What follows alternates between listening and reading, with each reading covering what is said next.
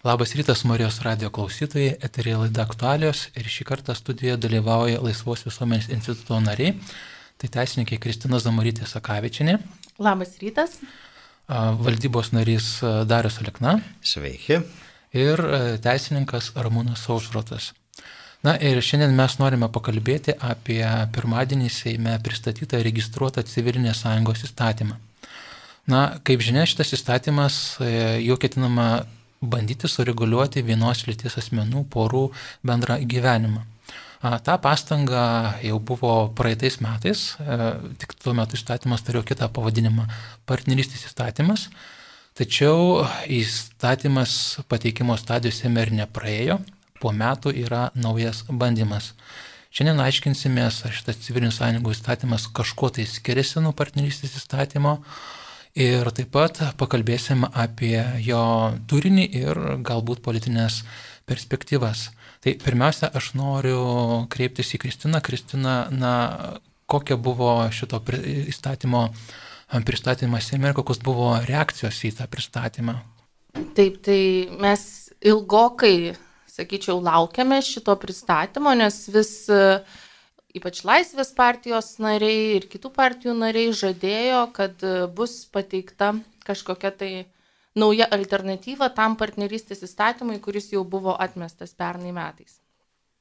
Ir, na, čia toks įvyko, sakyčiau, netikėtas posūkis, e, galbūt planuotas tų pačių politikų, kad e, šį įstatymo projektą, civilinių sąjungų įstatymo projektą pristatė ne pats Tomas Vytautas Raskevičius, kuris, na, visada žadėjo, kad bus priimtas e, partnerystės įstatymas, bet e, kiti valdančiosios koalicijos nariai. Ir, ir pristatymė konkrečiai dalyvavo na, tiek Tevinės sąjungos keli nariai, Jurgita Sejonenė, Radvilė Markūnenė, Mikulėnenė ir kitų partijų, pavyzdžiui, Vytautas Mitalas, Eugenijus Gentvilas. Jie na, taip jautėsi iš tikrųjų, žinot, kai, kai, kai jau kokių dešimt metų su šituo klausimu dirbi ir matai įvairius pristatymus ir Seimo narių bei kitų politikų pasisakymus.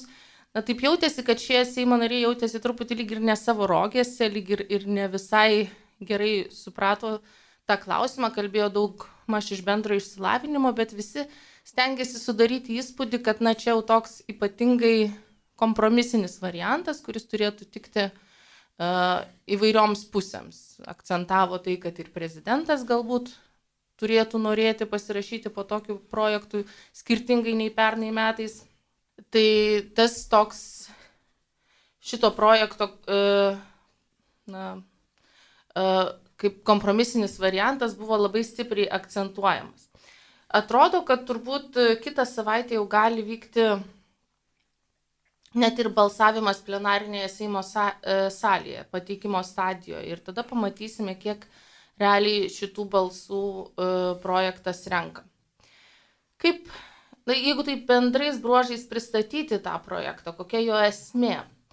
Kaip, kaip, ir, kaip ir kalbėjo per pristatymą Seimo nariai, jo tikslas yra sureguliuoti kartu gyvenančių žmonių, būtent porų, bendro gyvenimo praktinius klausimus.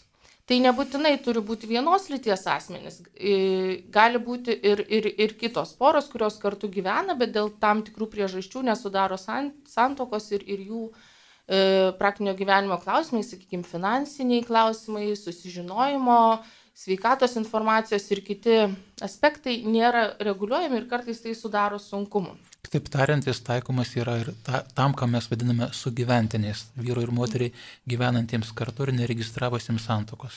Taip, e, būtų taikomas ir tiems žmonėms. E, e, politikai argumentavo tuo, kad tokių porų yra Lietuvoje apie 500-600 tūkstančių ir kad, na, ne va tai rodo didžiulį poreikį.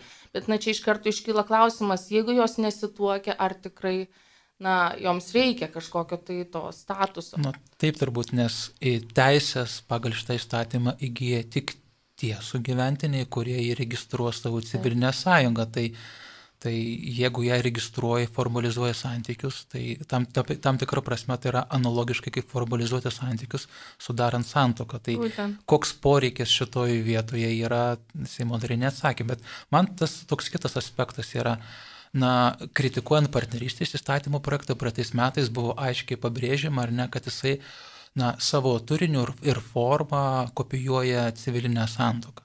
Tai matėsi bent jau ir iš apibrėžimo, kas yra partnerystė, kur įstatymo autoriai buvo perkelę šeimo, šeimos apibrėžimą, kuris yra nustatytas Lietuvos Respublikos Konstitucinio teismo doktrinoje.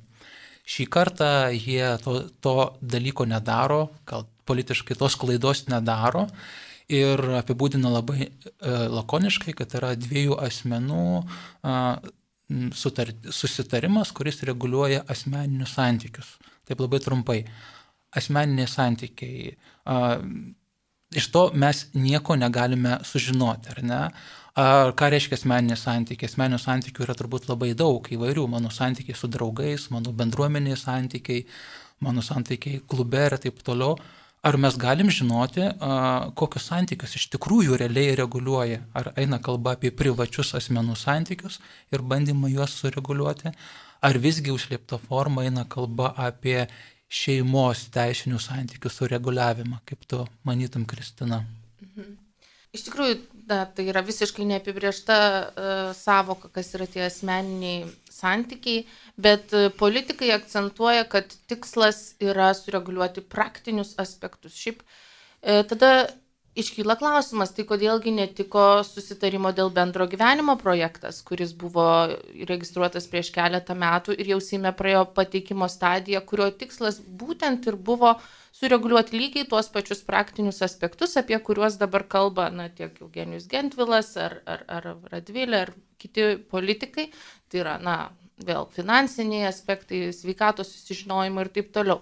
Bet kai tu pasigilini į palygini šituos du projektus, tai tampa akivaizdu, kad na štai bendro gyvenimo projektas yra nesusijęs su santokos reguliavimu, jis yra ne šeimos knygoje, jam netaikomas monogamijos principas. Jis yra grinai skirtas praktiniams aspektams tarp žmonių, kurie, na, nekuria šeimos teisinių santykių, bet kartu gyvena ir galbūt jiems iškyla tam tikrų E, tų praktinių klausimų. Kai tu pažiūri į šį e, naują civilinės sąjungos įstatymą, e, matai, kad jis jau labai daug ką kopijuoja iš santokos instituto. Tiek principai, tiek sudarimo, tiek negaliojimo pasiekmes. Didžiaja dalimi tai arba atkartoja šeimos knygos nuostatas, arba deda nuorodas į jas. Tai iš tikrųjų aš irgi pritarčiau tau, kad na, ne, ne tik pavadinimu mes turime na, identifikuoti, sakykime, atskirti, ar tai yra šeimos teisinius santykius reguliuojantis įstatymų projektas ar ne, tai ne tik pavadinimas pasako, netgi ne tik apibrieštis pasako, kuris, kurio šiuo atveju net nėra, nes po tuo gali asmeniniai santykiai padėti labai daugą. Bet e, pasako, yra ir kiti kriterijai, kurie leidžia atpažinti, tai jau tau paties paminėti, iškia tam tikri principai, kurie yra taikomi ir jie visi monogamijos e, savanoriškumo, savanoriškumo draudimo tuokti su artimais giminaičiais, sutoktinių tarpusavio išlaikymo, visi šitie principai, kurie įrašyti atvirų tekstų, yra taikomi ir santokai. Tai vienas momentas. Antras momentas turbūt yra pačios uh, civilinės sąjungos sudarimo ir nutraukimo sąlygos, kurios irgi yra identiškos santokai. Ir šitoje vietoje vat, vienas turbūt e, toks lakmusinis įstatymo punktas, kuris rodo, kad e, civilinės sąjungos įstatymas yra e, tik santokos kopija, yra e, ketvirtos straipsnio trečioji daly e, nuostata, kad civilinę sąjungą sudaręs asmuo negali sudaryti kitos su kitu asmeniu sudaryti civilinės santokos ar negali sudaryti santokos. Tai šitas dalykas teisė yra vadinamas tarpusavio Tai rodo, kad tiek civilinė sąjunga, tiek santoka yra taip tarpusavėje susiję, kad vieno buvimas kitą daro neįmanomu. Kitaip tariant, mes turime du lygiareikšmius teisinius institutus. Aš kaip pavyzdį pateiksiu, kad suprastumėt, ar ne? Na, pavyzdžiui, e, mes turime vienuolinį gyvenimą ir santokinį gyvenimą. Jeigu tu pasirinkai vienuolinį gyvenimą, tai tu negali sudaryti san, e, santokos.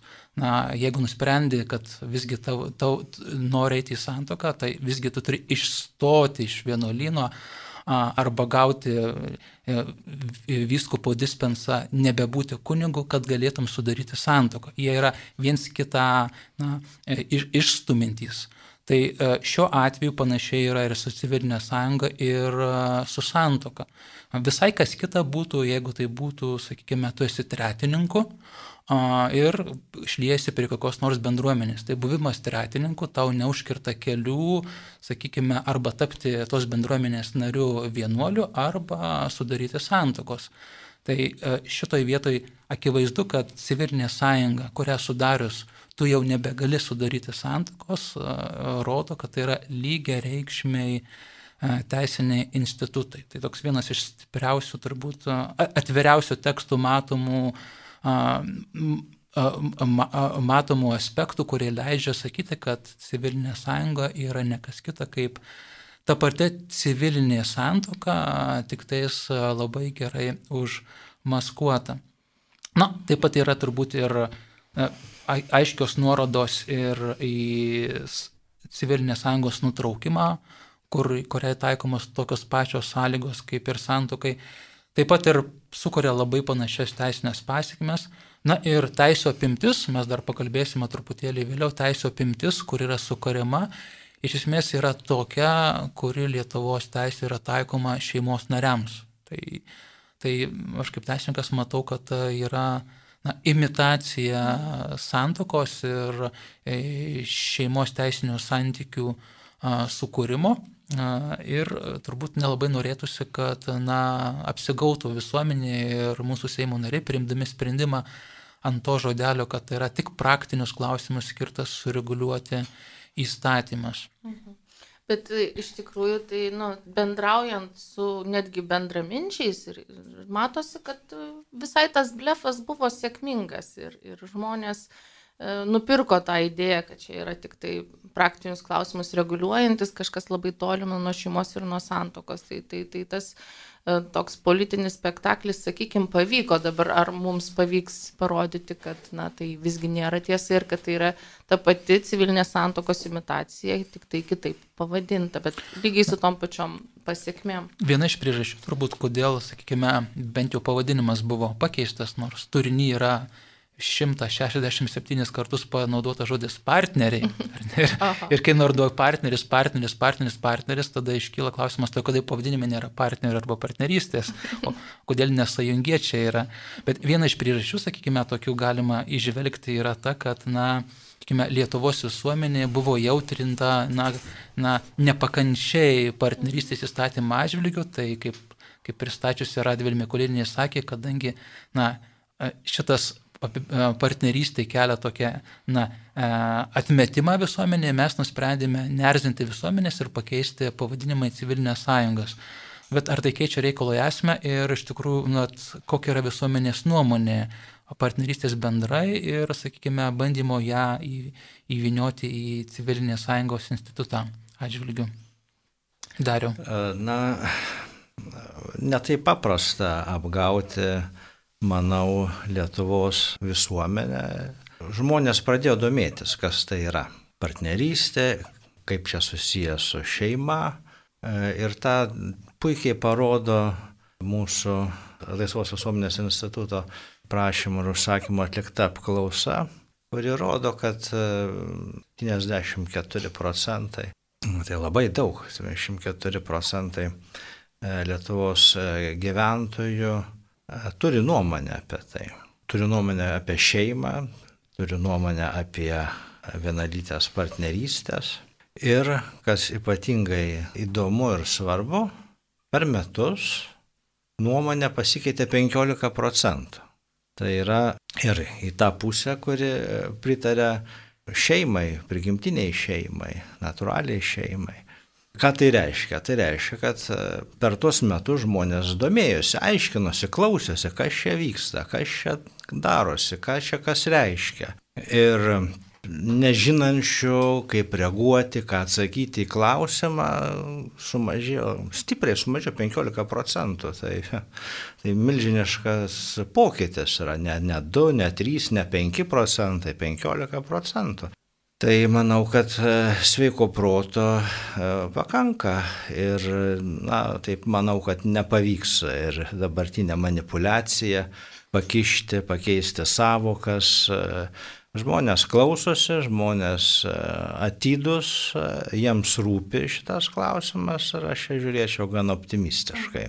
Man atrodo, kad galbūt na, tas toks nuolatinis apsimetinėjimas, kažkoks blefavimas, kad iš tikrųjų mes siekiam vienų tikslų, e, bet realiai pasieksim kitų kažkokiu tai paslaptingu būdu, kaip tik žmonės va taip ir, ir, ir atstuma, netgi sakyčiau. Va tai ir yra viena iš priežasčių, kuri verčia, na, vis keisti tą nuomonę į vis neigiamesnę partnerystės atžvilgių, nes žmonės juk, ta prasme, mes jau esam na, vieni iš tų tokių paskutinių, kurie dar neturime savo šalyje partnerystės, iš vienos pusės mus kaltina, kad mes kažkokie atsilikėliai, bet iš kitos pusės mūsų valstybė turi tam tikrą pranašumą. Mes labai puikiai matome, kokios to pasiekmes ir kaip nuo partnerystės per keletą metų visose valstybėse pereinama prie santokų lygybės ir skirtingų šeimų lygybės ir tos vadinamos tėvystės lygybės. Tai, na, tiesiog tas apsimetinėjimas, kad čia yra tik tai nekaltas praktinių klausimų sureguliavimas neveikia. Klausimas tada yra, Kristina, a, iš tikrųjų, tai ar čia yra ta tikroji priežastis, kodėl visgi Seimo nariai nesprendžia kelti iš stalčiaus bendro gyvenimo susitarimo, bet imasi registruoti naują įstatymo projektą, kuris, na, tikrai jeigu ten pažiūrėsiu, turbūt 80 procentų, kiekime, praktinių tų dalykų kopijuoja.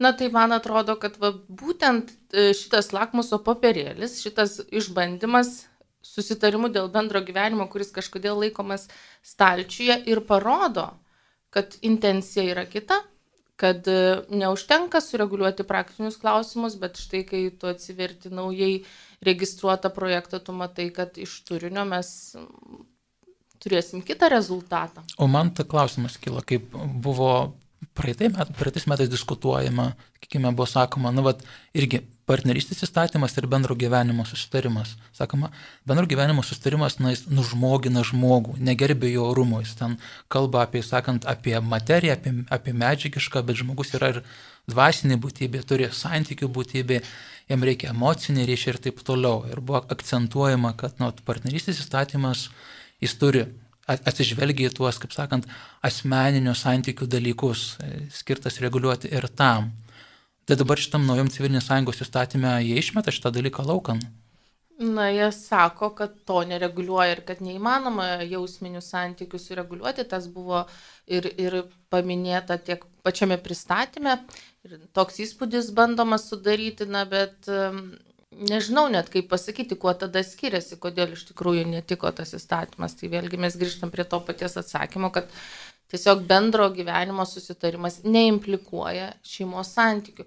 Civilinės sąjungos įstatymas ir būtų būtent tokios e, formos teisės aktas arba toks reguliavimas, kuris e, vienos lyties porų gyvenimą pastatytų ant tokių, galima sakyti, teisinių šeimos bėgių, kas reikštų, kad e, jau priemu šitą įstatymą būtų nebe tiek politikų, kiek toliau teisininkų darbas nuvažiuoti na, tais bėgiais iki galo, iki visiško skirtingų šeimų lygybės ir sulyginimo su santoka. Ta labai tiksliai pa, mūsų oponentas pasakė, Dainius Žalimas, pripažinęs, kad jeigu šitas įstatymas patektų konstitucinį teismą dėl neligybės kažkokios tai, tai kad teismas akivaizdžiai pripažintų uh, jį, kaip sakant, e, kad jis, kad jis apima ir šeimos teisinius santykius. Lygiai tą patį matom iš Europos žmogaus teisų teismo praktikos ir, ir na, irgi pasikartojantys sprendimai rodo, kad skirtingų šeimų negalima diskriminuoti ir jeigu e, tos pačios lyties poroms jų privačiam gyvenimui suteikiamas teisinis šeimos statusas, tai jis turi būti lygiavertis santokai galų gale. Na, aš dar pridėsiu, ar turbūt, kad na, iš tikrųjų mes Lietuvoje teisinė sistema yra pastatyta tokia aklygatvė ir tą aklygatvį pastatė būtent tos e, virš nacionalinės institucijos teismai, kurie Na, jeigu prisiminsim 2010 metus pirmąją bylą Europos žmogus teisų teismo Austrijos bylą, ar ne, kada nu, vienos lyties asmenys pora padavė į teismą, kad jie negali savo tam tikrų santykių sureguliuoti, Austrijos reakcija į tai buvo, okei, okay, mes tada neliečiam santokos ir bandom sureguliuoti kitų būdų ir jie priėmė partnerystės įstatymą, kurio tikrai bandė atsižvelgti į tų žmonių interesus. Bet kas įvyko po to? Pasinaudojant tuo, tada buvo tas pats partnerystės įstatymas paduotas į Europos teisingumo teismą, pasakant, kad negalima skirtingai traktuoti. Ir tą ir, ir Europos teisingumo teismas ir pripažino, kad na, jeigu iš esmės turinys a, yra panašus santykių, tai negali būti asmenys diskriminuojami e, dėl savo teisinio statuso. Vat ir turime tokią, tokią situaciją.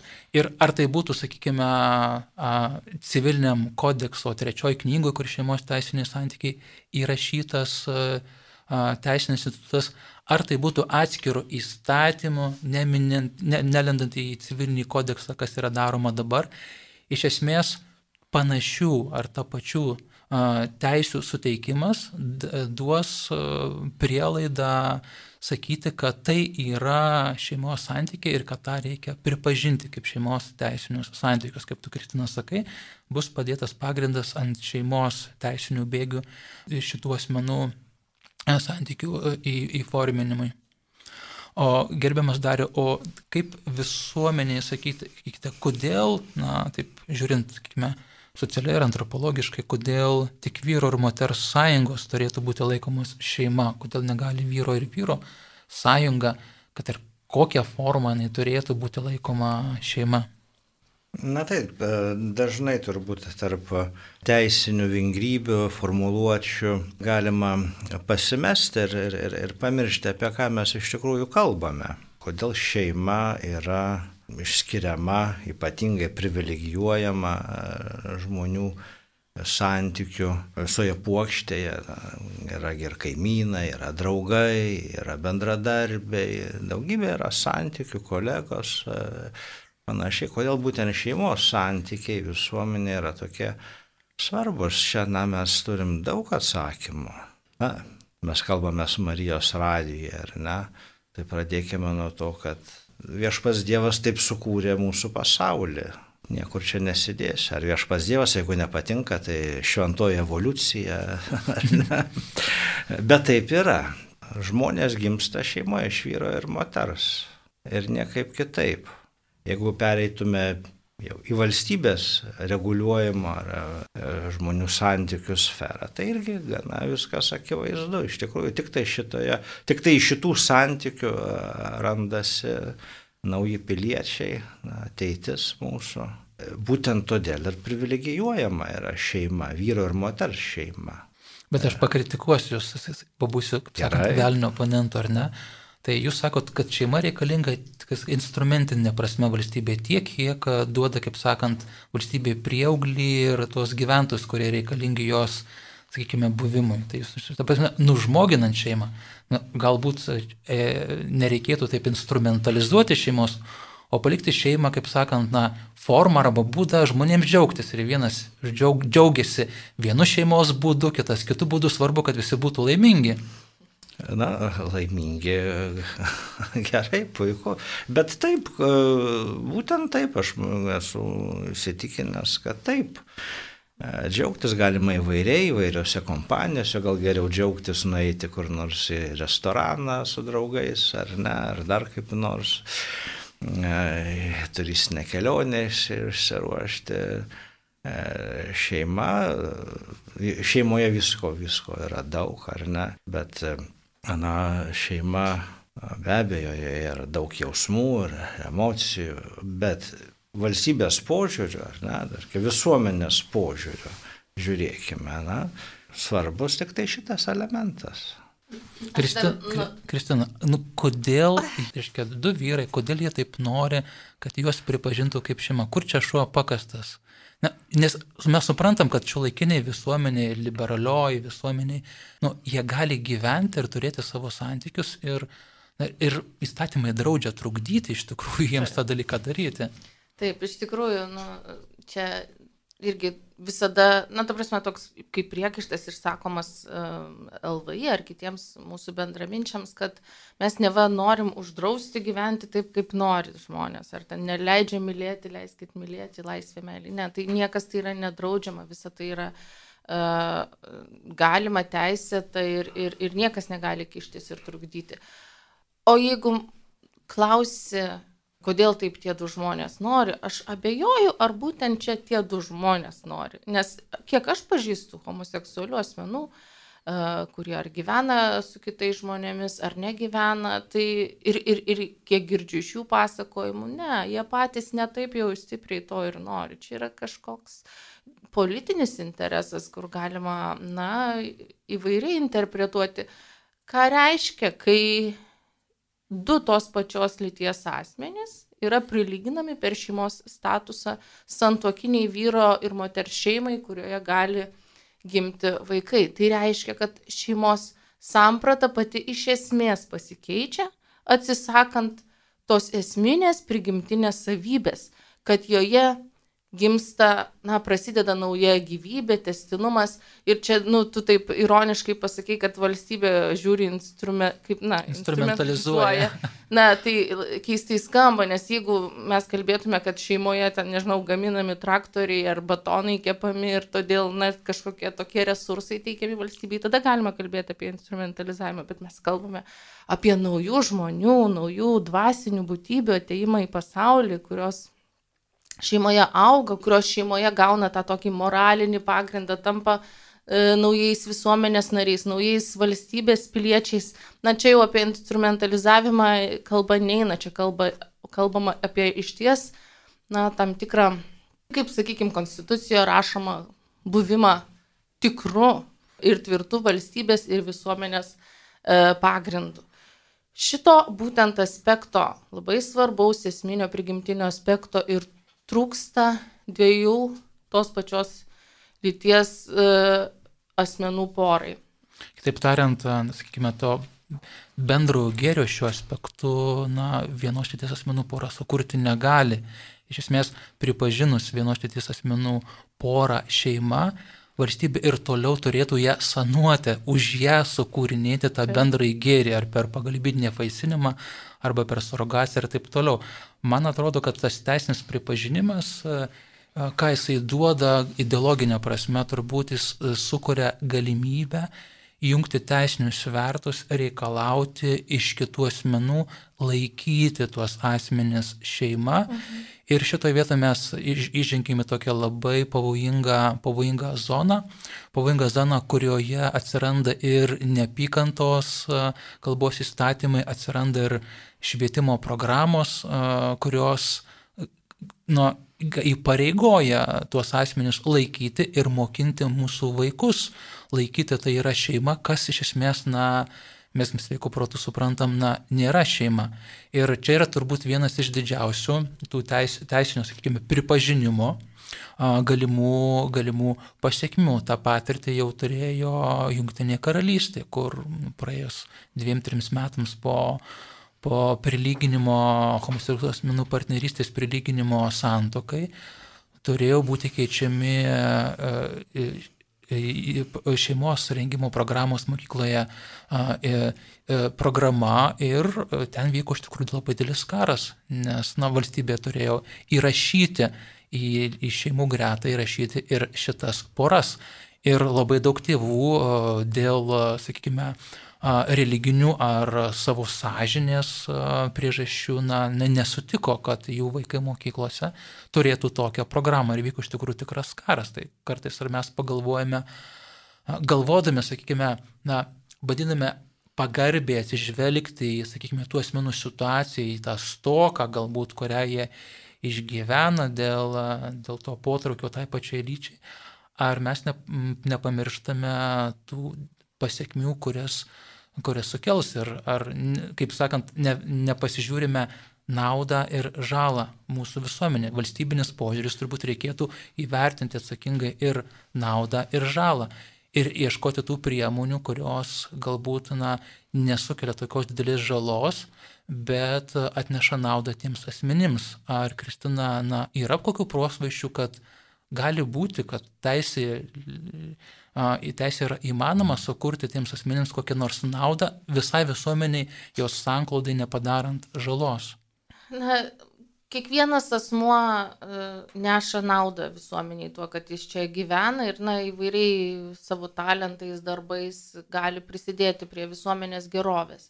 Bet e, kaip sukurti naudą sureguliuojant na, tuos santykius žmonių, kurie kartu gyvena, bet, bet negali ar nesudaro santokos, Tai man atrodo, na taip, tiesiog palengvinant e, tam tikras problemas, su kuriomis jie susiduria, kad ir tas finansinės, arba kad jie galėtų sužinoti. Iš tikrųjų, na tai atrodo gal nedažni atvejai, bet jeigu atsiduria tavo žmogus, su kuriuo tu gyveni ir, ir su kuriuo esi artimas daug metų ligoninėje, o tu, tu negali sužinoti apie informacijos, tai iš tikrųjų na, yra tam tikra asmeninė tragedija.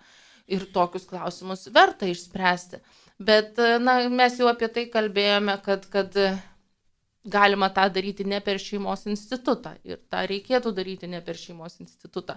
Nes jeigu mes imam civilinių sąjungų ar partnerystės įstatymą ir, ir, ir, ir įteisinam vienos lyties šeimas, tai, tai vėl galima apibendrintai pasakyti, kad tiesiog pakeičiam šeimos sampratos prasme teisėje ir iš to kyla, na, tokios dvi esminės uh, pasiekmes, kurios yra, manau, žalingos visuomeniai. Tai yra viena, kad vaikai netenka teisės aukti su tėčiu ir mama, uh, nes, uh, kaip pats minėjai, įvairiose valstybėse per, per uh, tą tėvystės lygybės sieki yra įteisinamas ir įvaikinimas, ir, ir pagalbinio apvaisinimo paslaugos, ir net surogacija tos pačios lyties poroms. Čia, aišku, girdime tokį dažnai priekaištą šiam argumentui, kad ir taip ne visi vaikai auga e, su savo abiem tėvais. Kai kurių tėvai išsiskiria, kai kurie auga su vienišom mamom. Taip, auga su vienišom mamom, auga su vienu iš tėvų. Ir tai yra irgi šeima, bet valstybė į tai žiūri, na, kaip į tokią situaciją, su kuria tiesiog reikia susitaikyti, na, padėti toms šeimoms kad jie turėtų mažiau tam tikrų socialinių problemų, kažkaip jas spręsti. Bet jeigu mes sulyginame ir pasakome, kad santokinė vyro ir moters šeima ir tos pačios lyties pora yra lygiai tokio paties statuso šeimos, tai valstybė viešai deklaruoja tai, kad nėra jokio skirtumo ir turi visom priemonėm vėliau užtikrinti tokią nuomonę. Ir, ir, ir, ir tai tos pačios neapykantos kalbos normos įsijungia valstybėse, kai tu ir nebegali kalbėti apie tai, kad vaikui visgi reikia jo tėčio ir mamos, kad e, vaikų, sakykime, teisės ir interesai yra svarbesni už šitą, už šitą suaugusių interesą. Tai tiesiog e, susidurime su valstybės mechanizmu, kuris verčia paprasčiausiai, na, melą laikyti tiesa ir, ir, ir ne, nebegali tiesiog išsakyti savo kitokios pasaulyje žiūros. Man, žinai, prisiminė 75, e, dabar tiksliai nepasakysiu, bet kada Amerikos psichologų asociacija iš, išplaukė, išbraukė iš e, homoseksualumą iš lygų sąrašo, ir iš esmės pasakė, kad homoseksualus potraukis yra lygiai vertis, e, tapatus heteroseksualiam po, potraukiui. Tuo metu buvo daug diskutuojama apie tai ir buvo pasakyta, na, bet jie yra tokie ir tai nepakeis, kurie yra heteroseksualai ir toliau liks heteroseksualai. Bet ką atrodo tyrimai, ką tas praėjo 50-70 metų po, po šito sprendimo rodo, kad visgi tas sulyginimas dviejų skirtingų potraukių, sulyginimas jis visuomenės anklai davė neigiamą rezultatą. Ir padaugėjo asmenų, kurie praktikuoja biseksualumą, padaugėjo ir, ir tų asmenų, kurie, sakykime, seksualinę preferenciją, kuriems homoseksualumas iš tikrųjų yra labiau seksualinė e, preferencija negu, sakykime, įtakotas socialinės raidos įtakotas potraukis.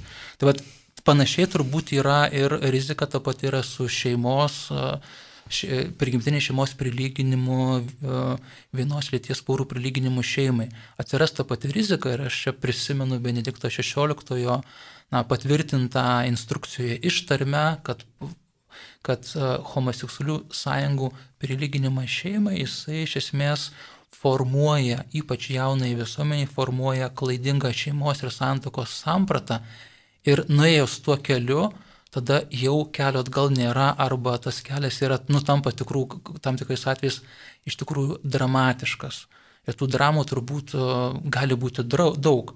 Bet visgi kalbant apie naudą, sakykime, mūsų oponentai akcentuoja tą įtraukties momentėlį, kad nauda gali būti prieimus šitą įstatymą ar, ar partnerystės įstatymą ar šitą įstatymą prieimus, kad jie bus įtraukti į visuomenę, o dabar jie yra atstumti nuo visuomenės. Tai man čia tokia mintis visada kyla, kad na, tas įtraukimas nebūtinai galimas per šeimos teisinių santykių suteikimą, per pripažinimą, kad jie yra šeima. Reiškia, įtrauki, mes gyvenam juk sociume visuomenėje ir mus kaip asmenys sieja labai įvairūs santykiai, tai galima, na, draugystės, bičiulystės santykiai, tai tikrai manau, kad tai yra galima rasti teisinių mechanizmų, kurie tuos a, pripažįsta tų asmenų gebėjimą kurti asmeninius socialinius santykius ir netgi mūsų katalikų katekizmas sako, kad homoseksualus asmenys yra pašaukti skaistumui, bet kartu ir draugystė. Ir draugystė yra tas asmeninis socialinis ryšys, kurį valstybė turėtų irgi gerbti, pripažinti, saugoti ir per tai galbūt galima būtų tuos asmenys įtraukti, neliečiant šeimos sampratos. Na, mūsų laidainai į pabaigą dar norėtųsi užduoti dariui vieną klausimą. Na, viešai girdime dažnai, kad va, tas tą patį klausimą, kurį Kristina uždaviau, kad e, štai girdime, kad vienos lyties šeimų įteisinimas geriaus vyru ir moters šeimas. Ką Jūs manote apie šitą argumentą? Ar čia mes su Kristina neteisūs esame šitoje vietoje, ar teisūs? Mes šiandien kalbėdami turim privilegiją iš tikrųjų jau pamatyti nemažą patirtį įvairiose šalise, kas vyko, vyksta, kaip atrodo e, tokia visuomenė, e, kurioje mm, jau sulygintos santokos ar šeimos. Jūs jau kalbėjote apie kai kurios pavyzdžius. Ir Jeigu atidžiau pasižiūrėtume, tai e, pamatytume, kad ne tik pas mus, bet ir šalise, kurios e, anksčiau pradėjo eiti šito keliu, svarsyklės pradeda krypti kitą pusę. Na, visos mados, sako, ateina iš Amerikos, e, iš Junktinių valstijų, tai matome, kad ten jau e, tokių įdomių poslinkių yra. Na, aukščiausiojo teismo sprendimai E, neseniai mačiau, kad e, ar tik nesitiks taip, kad e, Junktinių valstybių aukščiausiasis teismas imsis ir vienalyčių santokų klausimų nagrinėjimo. Ir įdomu, ką jis nuspręs. 15, 2015 metais buvo sulyginta santoka ir, ir, ir, ir partnerystė Junktinėse valstijose.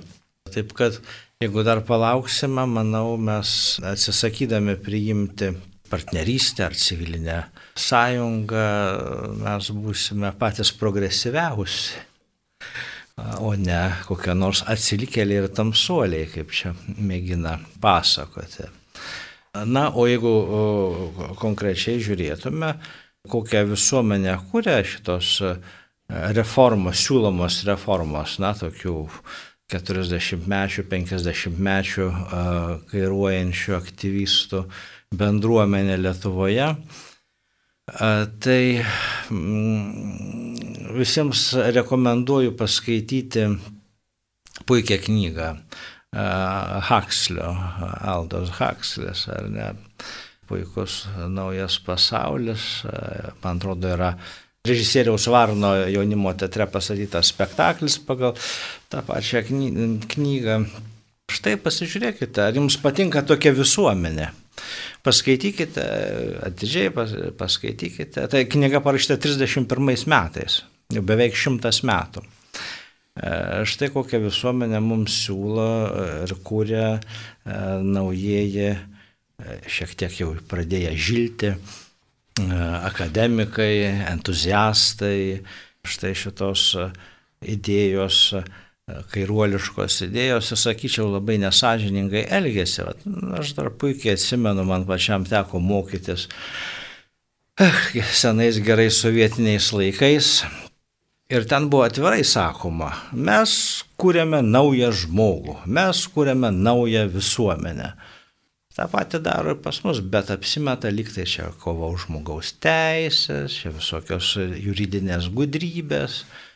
E, iš esmės tai šiek tiek senstelėjęs e, dalykas, turėtume gerai suprasti, apie ką eina kalba.